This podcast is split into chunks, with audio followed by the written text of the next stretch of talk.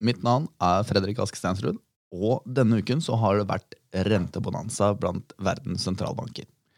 På tirsdag så satte Riksbanken i Sverige opp styringsrenten med en hel prosent. På onsdag så satt Fed opp styringsrenten med 0,75% for tredje gang på rad. Og i går så var det Norges Bank sin tur til å sette opp renten med stusslige en halv prosent. Hvorfor setter sentralbankene opp rentene når det er klare tegn på at økonomien faktisk går dårligere? Og hvorfor har de fått så dårlig tid? Har de glemt at rentehevinger fungerer med eh, en lang og variabel lag? Og har de glemt at de allerede har satt opp renta ganske mye i år? Dette skal jeg og Anders snakke om i dag.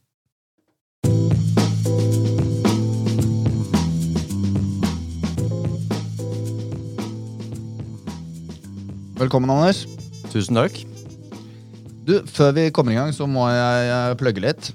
Så husk at hvis dere vil lese mer om det Anders skriver om til daglig, så må dere gå inn og følge han på Twitter eh, under handlet at Makrojohansen.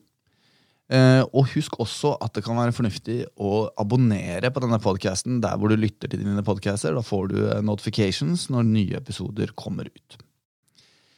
Først så må jeg gi deg en utfordring, Anders. Eller i hvert fall Jeg vil at du på maks to setninger skal forklare meg hvorfor sentralbankene setter opp renten nå. Hva sier du? Ja, Det er faktisk ganske lett. Arbeidsløsheten er under lykkelighetssnivå, og inflasjonen er altfor lav. Da må sentralbanker roe farten i økonomien, og det gjør de ved å sette opp renten. Var det bra? Inflasjonen er altfor lav? Alt, du, sa, du sa lav. ja, det ser du. Ja, Men det er greit. Du mente selvfølgelig høy. Ja, selvfølgelig. Ok, Men som vanlig i denne poden så må vi ha litt eh, struktur. Anders, og Hvordan har du lagt opp i dag? Tenkt å dele det i fire deler, ja. Eh, hvor vi begynner litt på å forklare konseptene. Det er jeg glad i. Så da begynner vi med å snakke om sentralbankenes oppgave og hvilke virkemidler de har. Snakke litt om inflasjonen i dag eh, og hvorfor den er så høy, i del to. Så må vi oppsummere Norges Bank og hva de sa i går, i del tre. Og så tar vi en rask diskusjon av hva som skiller situasjonen i USA og Europa. Eh, fordi der, eh, Da får vi på en måte sett litt på de forskjellige virkemidlene og hvordan det funker i del fire. Det høres veldig bra ut. Du, eh, jeg skal slippe deg litt løs. Så, så hvorfor setter sentralbanken opp renta nå? Og de siste 20 årene så har jo sentralbankene i industrialiserte land stort sett hatt én primær oppgave, og det er å styre inflasjonen rundt 2 et par, par, år frem i tid. Det er veldig vanskelig å snakke i dag. Det er så tidlig. Fredrik. Ja, det er tidlig, men det er min skyld. Du får bare gjøre det beste du kan. ja, jeg skal gjøre det. Um, ja, så som sagt, De prøver å styre inflasjonen rundt 2% et par år frem i tid. Og for å få til det så setter de opp og ned styringsrenten. Under finanskrisen så måtte de sette ned rentene til 0 eh, og når ikke det var nok, så var det til og med en del europeiske land som gikk lenger eh, litt, altså et par år senere, hvor de gikk til negative renter.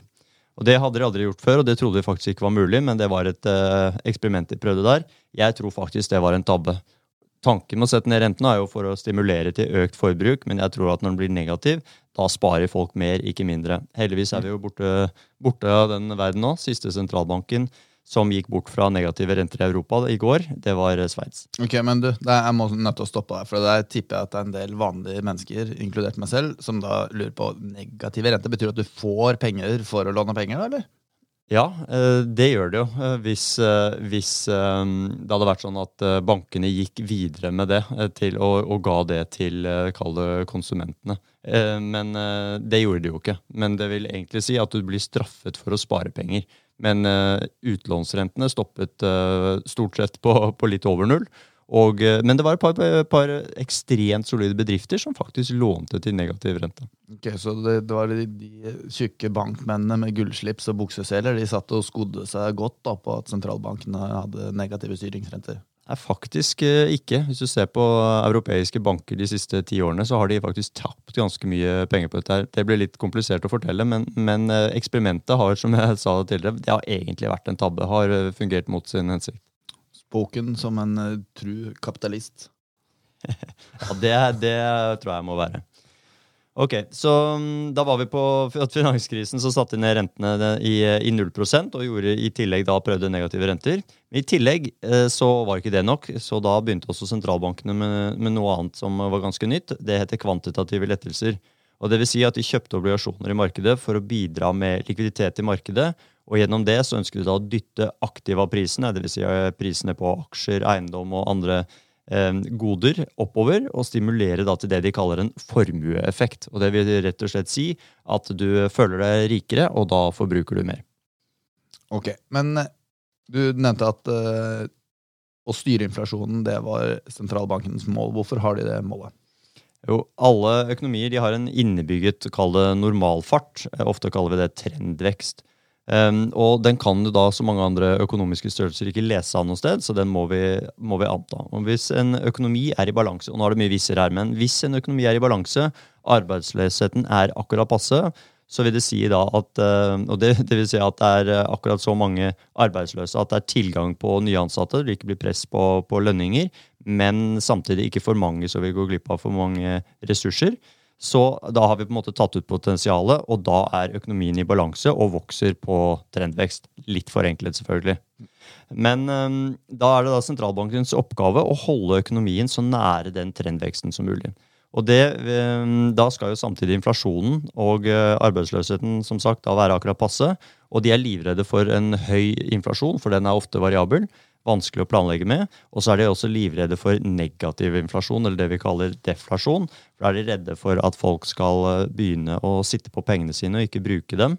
Ehm, derfor så har de da valgt en eh, inflasjon, litt tilfeldig, men da rundt 2% du kan tenke deg litt på dette med økonomiens trendvekst som en sånn gjennomsnittsmåling på veien eh, over en strekning der f.eks. fartsgrensen er 80 km i timen. Hvis du er som meg, så har du kanskje en periode kjørt litt over og glemt at oi, her var det, her var det gjennomsnittsmåling. Eh, og da holder det ikke å dra farten ned i 80 km i timen. Nei, Da må du faktisk ha en tilsvarende periode. Hvis du ligger 10 km over en periode, så må du da ha en like lang eh, strekning etterpå hvor du ligger 10 km i timen under for at snittet skal bli 80 Og Det er egentlig sånn som det funker i økonomien nå. Har vi hatt for høy fart en periode, så må sentralbankene stramme til og dra oss under trendvekst en periode. Og det kan du, hvis du, hvis du gidder, lese om uh, i Norges Banks uh, pengepolitiske rapport som kom i går. Det er jo det de prøver å få til, og også de for så vidt mener at de er i gang med å, å få til. da. Og hvis farten av økonomien blir for høy, så faller arbeidsledigheten. fordi det blir flere og flere som får jobb. Uh, og da også stiger lønningene, også stiger inflasjonen, og da må sentralbanken sette opp styringsrenten. Og bare For å ta det også, for norsk økonomi så tror vi da at trendfarten ligger mellom en halv og 1% i året. og Det er justert for inflasjon, så det vi kaller realvekst. I USA så er den høyere, der er den eh, snaue 2 og i Europa er den nok betydelig lavere, antageligvis eh, faktisk negativ. På lang sikt så styres eh, trendveksten da av befolkningsvekst. Og den vet vi er på vei nedover. Den har jo bare falt og falt og falt de siste ja, er 50-60 årene siden den boomen vi fikk etter andre verdenskrig også da av produktivitetsvekst, og den er overraskende stabil. Men den påvirkes da av strukturelle ting, sånn som jo politikerne prøver å gi insentiver, eller kanskje av og til også disinsentiver, for å få til innovasjon eh, og eh, nye ja, ting som er positivt for vekst i økonomien. Og så er det da negativt med mye gjeld. Eh, og det er jo en annen ting som vi vet, at landene har dratt på seg mye gjeld de siste årene. Sånn at det også da har vært med på å trekke trendveksten nedover. Ja, Ok, Så hvis jeg eh, tolker det litt i lekmanntermer, så er det sentralbankenes oppgave å fjerne punchen når egentlig festen er på sitt eh, beste. Eh, og akkurat nå så er det vel ikke noe tvil om at de mener at punchen skal bort. Og de skulle kanskje gjort det for en stund siden også, ettersom at arbeidsløsheten er det laveste på mange tiår, og inflasjonen er høy. Men er all inflasjon er vel ikke samme inflasjon, eller lik? Nei, det er et godt poeng. Den punch-metaforen er, er egentlig veldig god, den. Um, og all inflasjon er ikke lik. Og da må vi tilbake til egentlig det vi snakket litt om forrige gang. For, eh, eller ikke forrige gang, men for to, to ganger siden, tror jeg. Da vi snakket om strømpodkasten vår, mm. så snakket vi om tilbud og etterspørsel. Og det er liksom det du alltid går tilbake til i økonomi. Um, og hvis vi da bare bryter opp det, så har vi da to kilder til inflasjon. Det kommer på forstyrrelser av én av de to bena, enten tilbud eller etterspørsel. Så um, Se bare hvor, hvor var jeg her. Høy etterspørsel er det på nå. Ja, Så hvis uh, etterspørselen uh, blir for høy, det tilsvarer jo egentlig da at det er uh, stor, stor, fart i økonomien. ikke sant? Mm. Um, og da må sentralbanken redusere farten, og det gjør de ved å sette opp renten. Når de setter opp renten, så stiger utlånsrentene for privatpersoner og bedrifter. Og da vil de låne mindre, og de vil også investere mindre og bruke mindre. Og på den måten så får man det, da ned farten. Så høy eh, inflasjon drevet av høy etterspørsel, det er liksom det eh, som sentralbankens våpen er rettet inn mot.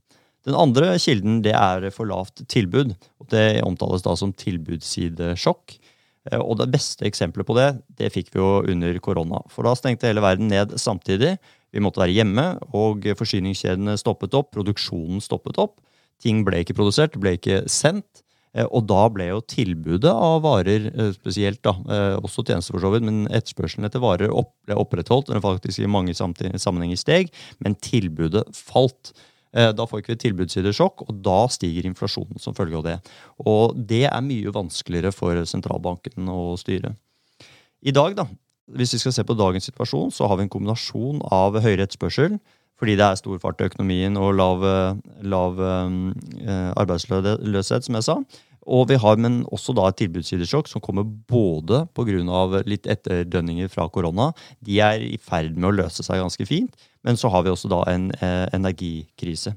Og så har så, som sagt, Det er en kombinasjon av de to, og det er litt forskjell da på, på hvor mye det er av hver av de komponentene i eh, f.eks. USA, Norge og Europa. Kommer da litt mer inn på det etterpå. Um, ja, i, i, USA, bare for å gjøre det litt enkelt først, så er, USA, så er det jo primært tilbudssideproblemer. Eh, eller det primære tilbudssideproblemet er da etter forsyningskjedene med, eh, under korona, og det er som sagt på vei til å løses. I Norge, og spesielt Europa, så er det jo i tillegg et stort energisjokk. Vi har jo energisjokk som vi føler fra, fra strømsiden, men, eh, men, det er mye tyngre for, eh, for, Europa. Vi har jo tross alt eh, eier de ressursene selv, så selv om vi bruker mye mer penger som konsumenter, så går jo det inn i lommene på våre kjære offentlige instanser. I tillegg da, så er det også eh, lav arbeidsløshet i, i, disse landene. Eh, og den er lavere i, enn i likevekt i både USA, Norge og Europa. Eh, sånn at eh, sentralbanken da må, må, heve rentene for å få det ned. Eh, og så er de spesielt redde for én ting, og det er jo at eh, inflasjonen skal bite seg fast. Hvis man igjen leser hva Norges Bank skrev nå sist, så er det det hovedargumentet de bruker. Vi må sette rentene opp mye nå, så ikke inflasjonen setter seg. Forventningene om høy inflasjon, for da er de redd for denne pris- og lønnsspiralen.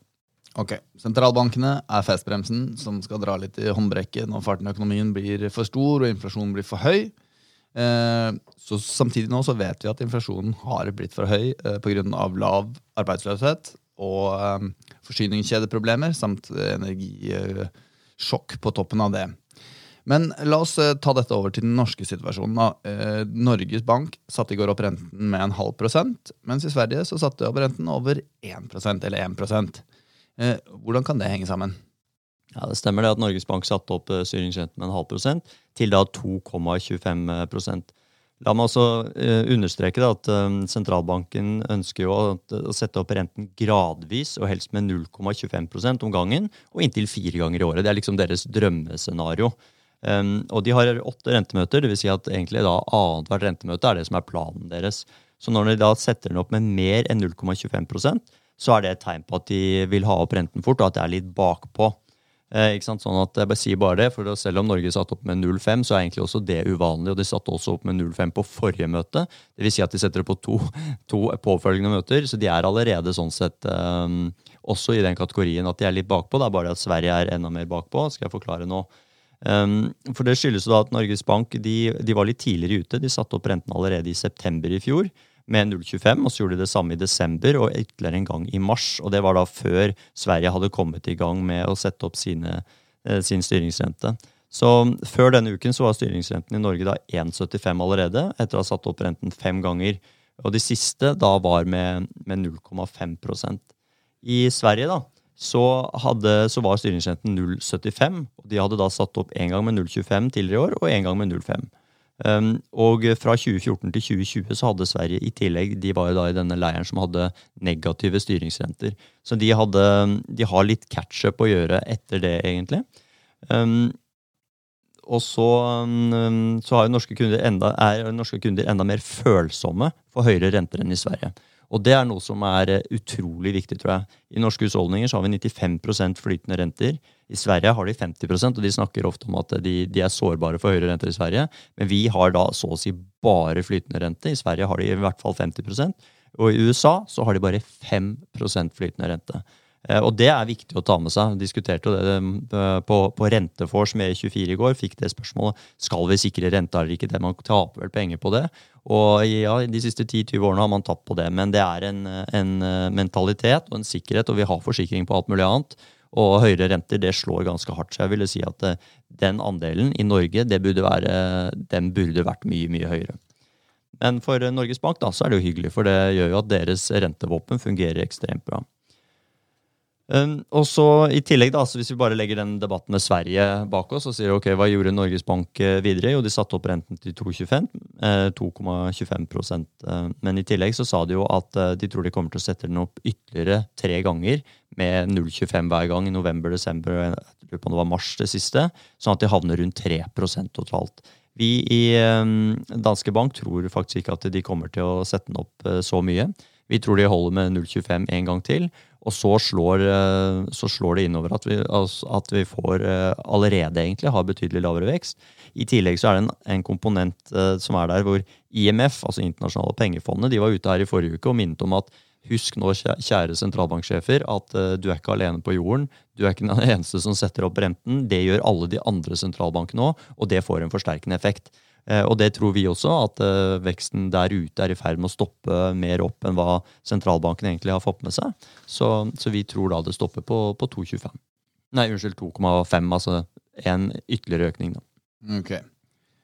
Altså, på mange måter da, eh, så er det jo godt nytt at Norges Bank setter opp renten mindre enn i andre land. Det er jo også positivt at renten stiger mindre enn det som ligger inne, men i hvert fall for oss med mye gjeld, da, men samtidig, samtidig, så er det jo ikke helt bra, for det tilsier vel egentlig at det er mindre fart i norsk økonomi. Hvordan ligger det egentlig an i Europa? Ja, et godt poeng. Det, det er definitivt uh, Sett samfunnsmessig så er det et uh, poeng at uh, farten er dårligere, og det er derfor de antageligvis må skru den opp mindre. Um, og så er det jo hyggelig for, for alle oss da, som har mye gjeld. Men eh, for Europa så er det jo enda tyngre. så De eh, har det virkelig tungt for tiden. De har en inflasjon som er høyere enn det vi har. De har ikke hatt, eh, og En av grunnene til det er jo disse norske strømstøttepakkene. Um, og mange av de andre landene har jo ikke råd til det, fordi de importerer jo all energien. De produserer ingen av den selv. Vi produserer den, sender den til Tyskland og importerer den tilbake. Litt, litt forenklet. I hvert fall få prisen derfra. Mm. Um, så det oss litt, setter oss i en litt annen situasjon. Men, men inflasjon på over 9% i Europa, og den er stigende. Og veldig stor del av det kommer fra energi- og matpriser. Og, og, samtidig er da veksten på, på, vei ned, og vi tror det enten er resesjon i Europa allerede, eller at det kommer i løpet av uh, vinteren. Um, og Derfor er det mange som stiller et spørsmål som jeg syns er uh, utrolig godt. Hvorfor setter ECB rentene opp da? Hvis du allerede vet at du har fått til det du vil, og farten er på vei ned. Og jeg tror det skyldes to ting. For det første så er sentralbankene redde for at uh, forventningene til inflasjon skal stige og fjerne seg fra 2% Da har de nemlig et større uh, problem. Det var det vi var innom i sted, denne forventningshypotesen. For det andre så handler det også om at alle andre setter opp renten, og um, at det er en fare for at eller, og, ikke en fare, egentlig. Euro har allerede svekket seg med rundt 15% mot dollar hittil i år. Eh, og om de ikke setter opp renten videre, så vil antageligvis euro svekke seg enda mer. Folk selger euro og kjøper dollar, fordi der får de høyere renter, litt forenklet sagt. Um, og dermed har de malt seg inn i et hjørne da, ved å hele tiden sparke brusboksen lenger ned i gaten. Uh, hver gang det kommer et problem. Og nå går ikke det lenger, nå må de på en måte face det. De har fått et problem som er for stort. Um, og så har de jo da på toppen av det en uh, energikrise. Og så skal ikke jeg nå i hvert fall gå inn på den debatten om, om det bare er krigsrelatert, for jeg er jo eh, av den oppfatning at de har, er faktisk ganske mye skyld i det selv. Og eh, det ble jeg veldig glad for at Trygve Hegnar også skrev i dagens leder i Finansavisen. Eh, at, eh, at de, de, må faktisk ta en stor del av skylda. De kan ikke bare skylde på Putin for, for den krisen de står i. Vi har vel egentlig en plan om å gjøre en oppfølgingsepisode til denne strømepisoden som vi lagde. Ja, det kan vi reklamere litt for. fordi eh, Der har jeg fått en, eh, en tidligere kollega her i Danske Bank, da jeg jobbet i Markets, eh, som er veldig flink på dette. her, Utrolig interessert. og Han har sagt ja til å komme om et par uker, så det kommer en oppfølger der. Og det tror jeg blir, blir veldig gøy. Det er nydelig. Men du, hva med USA? Er situasjonen annerledes der? Yes, det er den. USA er i en helt annen situasjon, for de har ikke de samme energiprisene som det vi har. Eh, ettersom de i stor grad er selvforsynt med energi. Det har jo de sørget for med denne skifergass- og skiferoljerevolusjonen som de har. Og bare for å veldig kort forklare det, så er jo mye gass og olje er jo egentlig fanget i da skifer eh, fjell langt under bakken. Og så var det da for eh, nå er det vel 14-15 år siden hvor man lykkes med å få til at man driller langt langt ned i bakken, og så driller man horisontalt etter hvert. Eh, og så kjører man ned masse, masse vann og sand nedi der, og så sprenger man opp skiferen. Og så trenger da sanden inn i den formasjonen, og så kan man hente ut da først i første omgangen gassen, og senere oljen. Eh, og dette har de da satt i systemet i USA og blitt veldig gode på. Så det har jo skyldtes at um, først da gassprisen i, i um, USA har vært veldig veldig lave lenge. Altså ekstremt lave. Veldig, hvis vi sammenligner som vi vel har gjort noen ganger, sammenlignet med, med, tilsvarende energi i olje, så, så, hang det ikke på greip. Altså, de Markedene var helt uh, frakoblet. Og det skyldtes jo at de hadde heller ikke først ikke lov og heller ikke kapasitet til å eksportere den gassen ut. Så da måtte de bare selge den til en billig pris i uh, USA. Nå har den steget mye, men den er ikke i nærheten av de samme nivåene som i, eh, i Europa, hvor vi jo vet at det er mange hundre, så tilsvarende mange hundre dollar per fat i eh, olje. Så er den i eh, USA for tiden rundt 50, så kanskje en femtedel av hva den er i Europa. Men det som jo er greia der, er jo at de har um, lav arbeidsløshet. Laveste siden, um, hvis jeg tenker meg om, begynnelsen av 50-tallet, tror jeg. Og så har de stigende lønnsvekst, mye mer stigende enn i Europa. Så der er jo situasjonen mer et, eh, da etterspørselsdrevet. Eh, og der, sånn sett så passer det jo egentlig bedre å sette opp rentene der. Det er jo tross alt det sentralbankens eh, rentevåpen er ment for i utgangspunktet. Ok, her, her trenger vi en oppsummering, Anders. Ja, det tror jeg er lurt. Men er det min tur? Ja, det er helt sikkert. ok. Vi får prøve å gjøre det på en, på en enkel måte. da. Sentralbankenes jobb det er å være ventilen som slipper ut luft når eh, ballongen blir litt for full. Og I Norge så er det primære mål å styre inflasjonen er 2% I noen andre land, sånn som f.eks.